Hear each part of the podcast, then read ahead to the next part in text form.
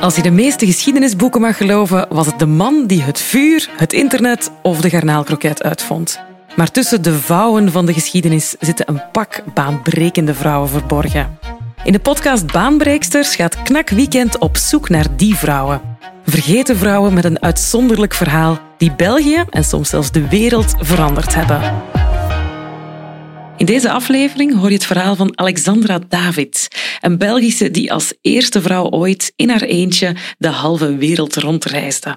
Een verhaal verteld door knakweekendjournaliste Mare Hotterbeeks, die ging praten met een aantal interessante bewonderaars. De meest verbazingwekkende vrouw van haar tijd. Zo omschreef de Britse schrijver Lawrence Durrell Alexandra Davids. Ze trok jarenlang door het Verre Oosten. Onderweg overleefde ze honger, kou en een tijgeraanval. En toch slaagde ze er als eerste westerse vrouw in om Tibet te verkennen. Ze schreef ook meer dan 30 boeken, zong in beroemde operas en verzette zich heftig tegen alle gangbare ideaalbeelden. Journaliste Mara Hotterbeeks die verdiepte zich in het leven van de Belgische ontdekkingsreiziger Alexandra David Neel. Dag Mara. Dag Lisa. Alexandra heeft echt wel een heel opvallend leven geleid. Hè? Hoe komt dat wij haar niet kennen? Ja, het leven van Alexandra David leest inderdaad als het scenario van een uh, Hollywood-film. Uh, het is dus eigenlijk doodzonde dat die film er niet van gekomen is en dat haar verhaal eigenlijk gereduceerd is tot een uh, voetnoot in de geschiedschrijving. Um, dat is nu zo, maar in haar tijd, uh, van 1868 tot 1969, was dat wel heel anders. Toen was ze wel vrij beroemd. Mm -hmm. uh, maar foto's verschenen in kranten en magazines. Uh, met haar boeken over het boeddhisme maakte zij zo'n grote indruk dat ze zelfs de Dalai Lama heeft ontmoet op een zeker punt. Um, en ja, haar reisverhalen verschenen ook in meerdere talen en konden wel echt rekenen op internationale belangstelling. Het is dus uh, doodzonde dat er van dat rijke intellectuele leven weinig is blijven hangen in ons collectief geheugen. Zeg, en wat voor iemand was zij dan als zij zoveel zotte dingen verwezenlijkte? Het was alleszins een vrouw met een uh, bijzondere uitstraling die overal waar zij kwam een grote indruk maakte. Um, op foto's zie je dat ze um, redelijk klein was, een redelijk strak gezicht had, uh, maar wel een heel vastberaden blik. Die reishonger van haar ook, die was niet te stillen, um, ongeacht uh, praktische bezwaren. Zij liet zich niet tegenhouden. Uh, op haar honderdste is zij bijvoorbeeld uh, op haar krukken nog naar het gemeentehuis uh, gegaan om een nieuw paspoort aan te vragen, want zij wilde graag naar, naar Rusland vertrekken, een laatste keer. Ja, maar haar gezondheid stond het op dat moment niet toe, dus ze, die reis die is, die is in het water gevallen. Ze is er nooit geraakt. Nee, jammer genoeg niet. Ja, ze was ook bijzonder veelzijdig, hè, als ik het zo hoor. Ja, dat klopt. In uh, ongeveer alles wat ze deed, was zij niet minder dan, uh, dan briljant. De meeste mensen die, die nemen genoegen met één passie of, of één talent, uh, maar Alexandra niet. Zij gooide keer op keer het roer om en zij sprong zonder aarzelen in het diepe. Haar hele leven lang bleef zij eigenlijk haar eigen grenzen verleggen op, op zowat elk domein. En ja, dat is ontzettend inspirerend natuurlijk.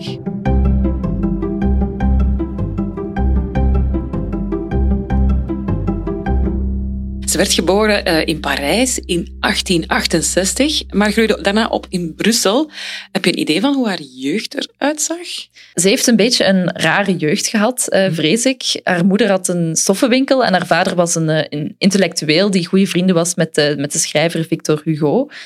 Ze had uh, het geluk dat ze wel welgesteld was, maar erg gelukkig moet zij toch niet geweest zijn. Ja. Um, ze verveelde zich heel snel, ze voelde zich uh, vaak misbegrepen.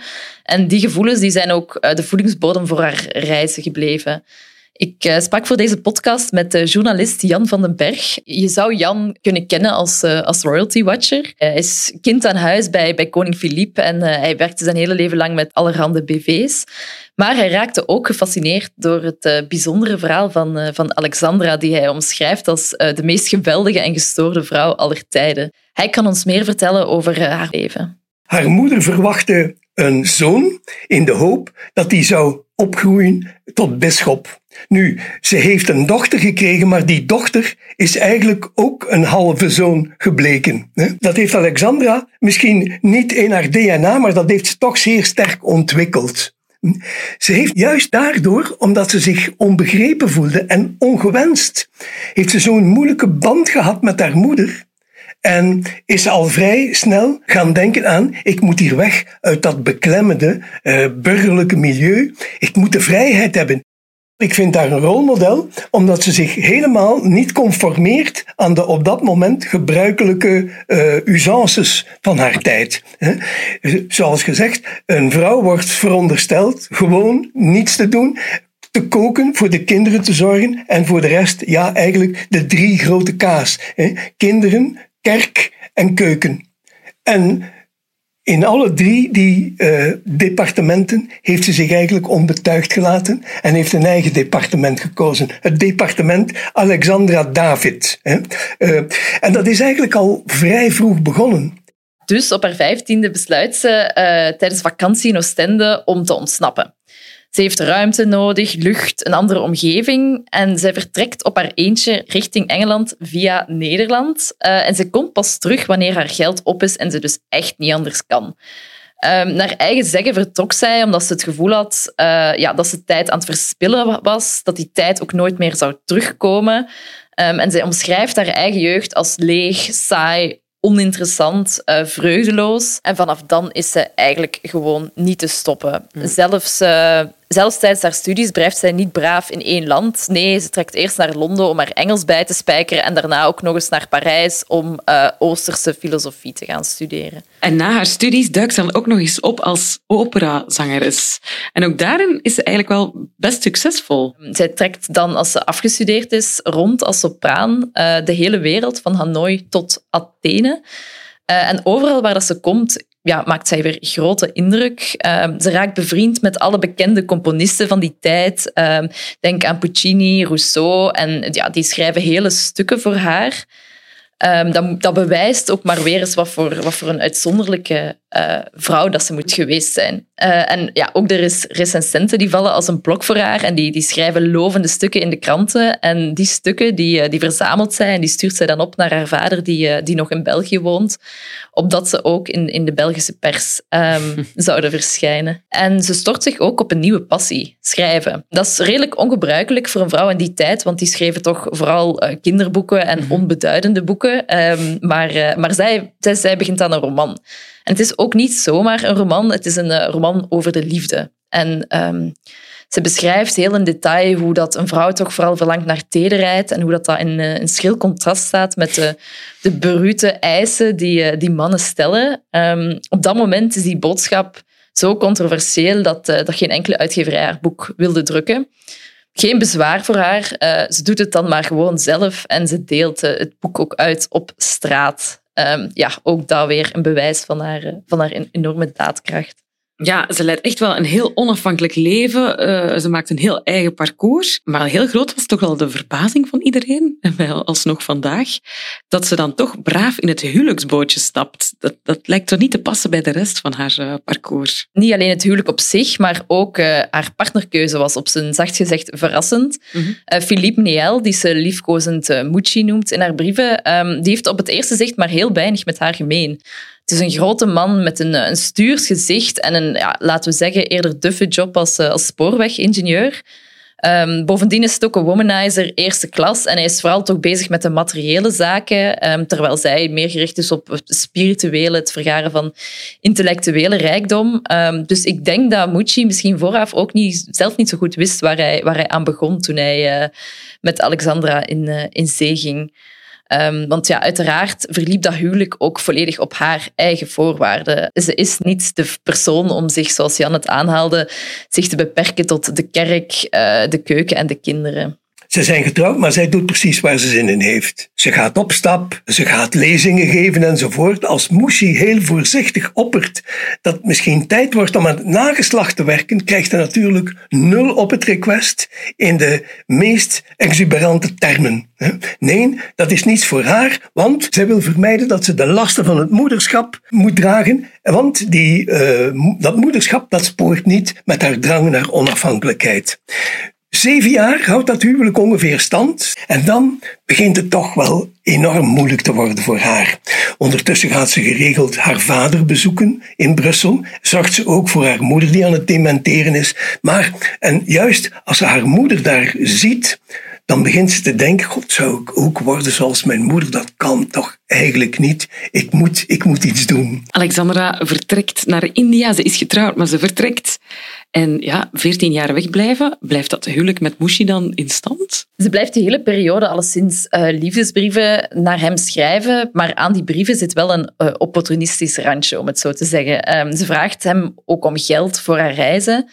En onderweg ontmoet ze ook een andere man, de Oosterse prins Sitkion Tulku. Um, meer dan haar eigen man is hij eigenlijk een soort soulmate voor haar. Uh, hij overlaat haar ook met liefde en met cadeautjes, uh, waaronder gouden juwelen die ze op haar naakte lichaam moet dragen. Ook die liefde die beschrijft ze heel uitgebreid in, uh, in haar brieven aan Mucci. Dus ze steekt het helemaal niet onder stoelen of banken. Maar op een gegeven moment begint Mucci toch een klein beetje jaloers te worden en vraagt hij haar om terug te keren. Ja, en wat gebeurt er dan? Geeft Alexandra uiteindelijk gehoor aan die smeekbeden van haar man? Wel, niet onmiddellijk. Um, tijdens haar reis in het oosten is haar interesse in het boeddhisme enkel maar toegenomen. Ze ontmoet even later in 1914 ook een, eh, een 14-jarige monnik, Jungden. Uh, en met hem start zij een soort uh, reisgezelschap. De deal is dat hij instaat voor de praktische beslommeringen en ook de zwaarste lasten draagt. Um, met hem onderneemt ze ook de tocht uh, waar ze het hardst naar verlangt en waar ze ook het meest bekend om, om staat. En dat is haar reis naar de verboden stad Lhasa in Tibet. In haar hoofd was die tocht zo'n beetje de heilige graal der reizen. Uh, enerzijds ging het daar natuurlijk puur om het avontuur, want ja, die weg daarheen loopt dwars door uh, onherbergzame um, sneeuwgebieden. En anderzijds was dat natuurlijk een stad die enorm um, belangrijk is voor het boeddhisme. Dus ze wilde daar heel graag naartoe. En die tocht kost daar in totaal vijf maanden. Maar ja. Um, ja, je moet je dat inbeelden. Vijf maanden uh, hiken door de sneeuw, bedekt door, die, door niet meer dan, dan een paar doeken uh, en overlevend op thee van, van gerst en gedroogd vlees. En bovendien was reizen uh, in dat gebied ook verboden, dus moest zij vooral s'nachts wandelen. En dat was ja, gewoon eigenlijk levensgevaarlijk. Um, het mag een, een klein wonder heten dat zij in 1924 daadwerkelijk Lhasa bereikt, zoals Jan mij ook vertelde. Dus wat doet ze? Ze vermomt zich als een bedelares, smeert haar gezicht in met koeiendrek en andere uh, kwalijke producten om eigenlijk nauwelijks herkend te worden. En ze reist dus met jongden te voet naar Zuid-Tibet door de sneeuw, het ijs, de barre en de bergtoppen van de Himalaya. Zelfs de Tibetanen wagen zich niet in dat gebied. Dus uh, dat maakt haar tocht alleen nog maar heroïscher. En dan komt ze dus in de verboden stad Lhasa. Dat is een unieke ervaring voor haar. Zij noteert in haar dagboek dat ze de eerste westerlinge is die dat heeft kunnen bereiken. Een verboden stad, een stad waar je als westerling, als niet-Tibetaan het risico loopt om vermoord te worden. En dat is eigenlijk, als je alles bekijkt wat ze heeft meegemaakt. Het ongelooflijk dat zij in leven is gebleven. Met bandieten en met rovers en noem het maar op. Ze heeft het allemaal meegemaakt. Wilde dieren, tijgers. En toch, ja, ze zit in Lhasa. En ze wordt eigenlijk op een zeer domme manier ontdekt. Ze was dus binnengegaan. In haar, uh, onder haar kleren had ze dus een pistool en altijd weer de juwelen van kroonprins Tulku. Maar zij heeft natuurlijk ja, bepaalde hygiënische behoeften. En elke dag gaat ze naar het, naar het water, naar de stroom, om zich te wassen. En dat vinden de Lazanen verdacht. Want dat doen ze niet zoveel. Hygiënische zorg, dat is verdacht. Maar voor ze haar kunnen snappen, zijn ze alweer weg. Ze vlucht en op dat moment ziet ze er eigenlijk vreselijk uit. Als je foto's ziet van, van de jonge uh, Alexandra, mooie vrouw. Maar dan ze is zo uitgehongerd, naar Moesie schrijft ze, dat als ze met haar hand over haar lichaam strijkt, dan voelt ze alleen maar een dunne huid die de botten bedekt. Moesie vraagt nog een keer, denk je nog niet aan terugkeren? En dan schrijft ze, ik moet weer wat opknappen. Als ik eenmaal weg ben uit Tibet, zal ik minstens een maand alleen maar kunnen slapen en eten. Mijn dwaaltochten zijn de einde. En ik vind dat ik ze door deze laatste odyssee op een waardige manier heb bekroond. Die heeft me door een gebied gevoerd waar volgens wel ingelichte kringen geen enkele blanke reiziger ooit doorheen is gekomen. En waar de Tibetanen zelf zich nauwelijks wagen. Zo'n slechte reputatie hebben de stammen die in het gebied wonen. Ik heb een Tibet gezien dat de ontdekkingsreizigers niet eens kennen. Ik heb buitengewone landschappen aanschouwd die alles wat ik in de Himalaya gezien heb in pracht overtreffen. Ik denk wel dat ik nu van alle blanke reizigers Tibet het beste ken.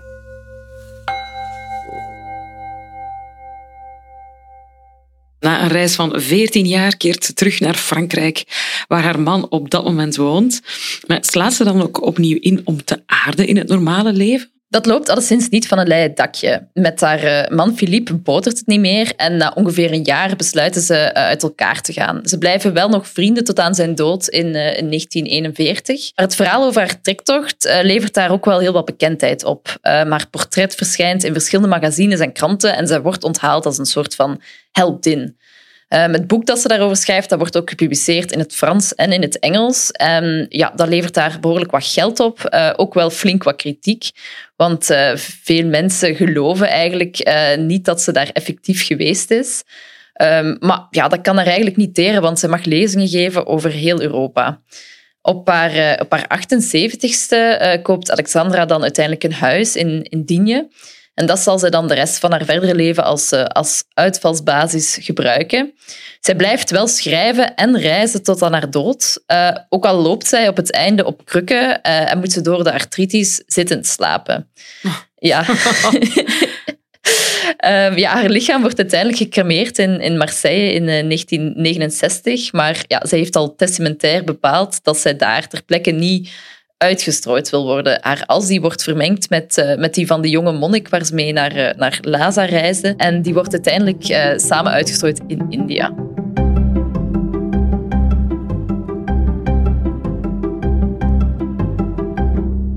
Het klinkt in ieder geval als een waanzinnig leven.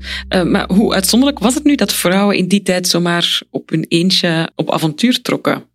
Alexandra was alleszins niet de enige vrouw die zich uh, aan reizen waagde, al zijn de tochten die zij maakte natuurlijk wel uh, zeer bijzonder. Ze had het geluk wel dat de juiste voorwaarden vervuld waren om te mogen reizen, uh, zoals Bieke Purnell mij, mij ook vertelde. Um, als auteur en als feministe begrijpt Bieke Purnell als geen ander de complexiteit van de missie van Alexandra David. Als vrouw echt op avontuur trekken was zeker niet de norm. Nu waren er wel vrouwen die dat wel deden natuurlijk. Je had in de 18e eeuw al een, uh, had je de Franse Jeanne Barret die als man verkleed uh, met een natuurwetenschapper de wereld rondtrok. En in de 19e eeuw had je er ook wel een paar. Um, Annie Londonderry, een Amerikaanse vrouw die de wereld rondreisde per fiets en daarover schreef en die dan journaliste werd. Gertrude Bell, een Britse die uh, archeologe, reiziger, diplomate, uh, bergbeklimster was en daar ook reisverhalen over schreef. Dus er waren er zeker. Nu, dat zijn degenen waarvan we het weten, omdat ze erover schreven. Er waren er vast meer. Maar het was zeker uitzonderlijk. Um, en vooral, wat had je nodig? Ja, een progressieve echtgenoot of vader die je toeliet om dat te doen, maar ook en vooral geld.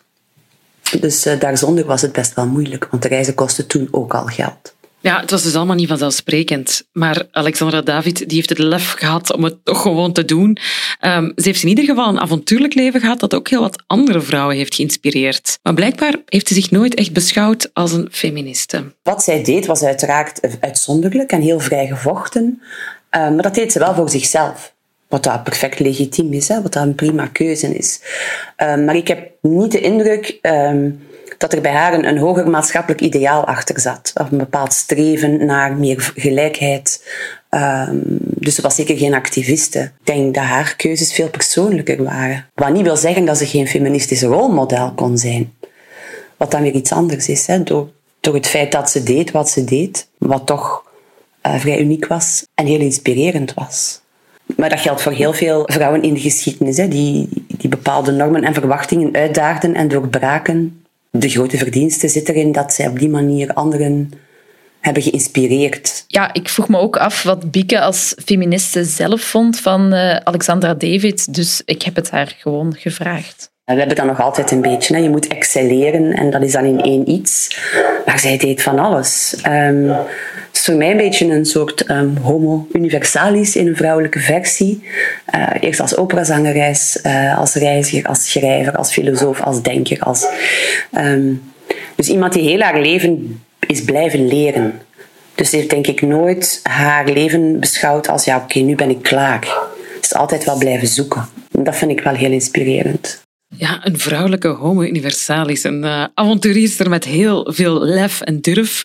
Maar had jij haar graag gekend? Wat, had jij haar graag gehad in je vriendenkring? Ik heb het idee dat wij eh, beste vrienden zouden kunnen zijn. Um, ja, we delen een passie voor taal, een passie voor reizen en een, soort onvermogen om... Om genoegen te nemen met middelmatigheid. Um, ja, net zoals Alexandra word ik ook gedreven door het verlangen naar onbekende, de nieuwsgierigheid naar, naar wat er zich achter die horizon eigenlijk bevindt. Um, ik vrees eigenlijk alleen een beetje dat ik uh, niet over dezelfde daadkracht bezit als Alexandra. Ik laat mij soms wel nog leiden door, door angst en door de wil om te conformeren naar verwachtingen. Dus zelfs een halve eeuw na haar dood blijft zij toch inspireren. Volgende keer hebben we het over oud-voorzitter van de Boerinnenbond, Jeanne Cardin. De vrouw achter het bekendste kookboek van ons land en de vrouw die heel wat moeders leerde bevallen. Je hoort het in de volgende aflevering van Baanbreeksters, de podcast van Knak Weekend.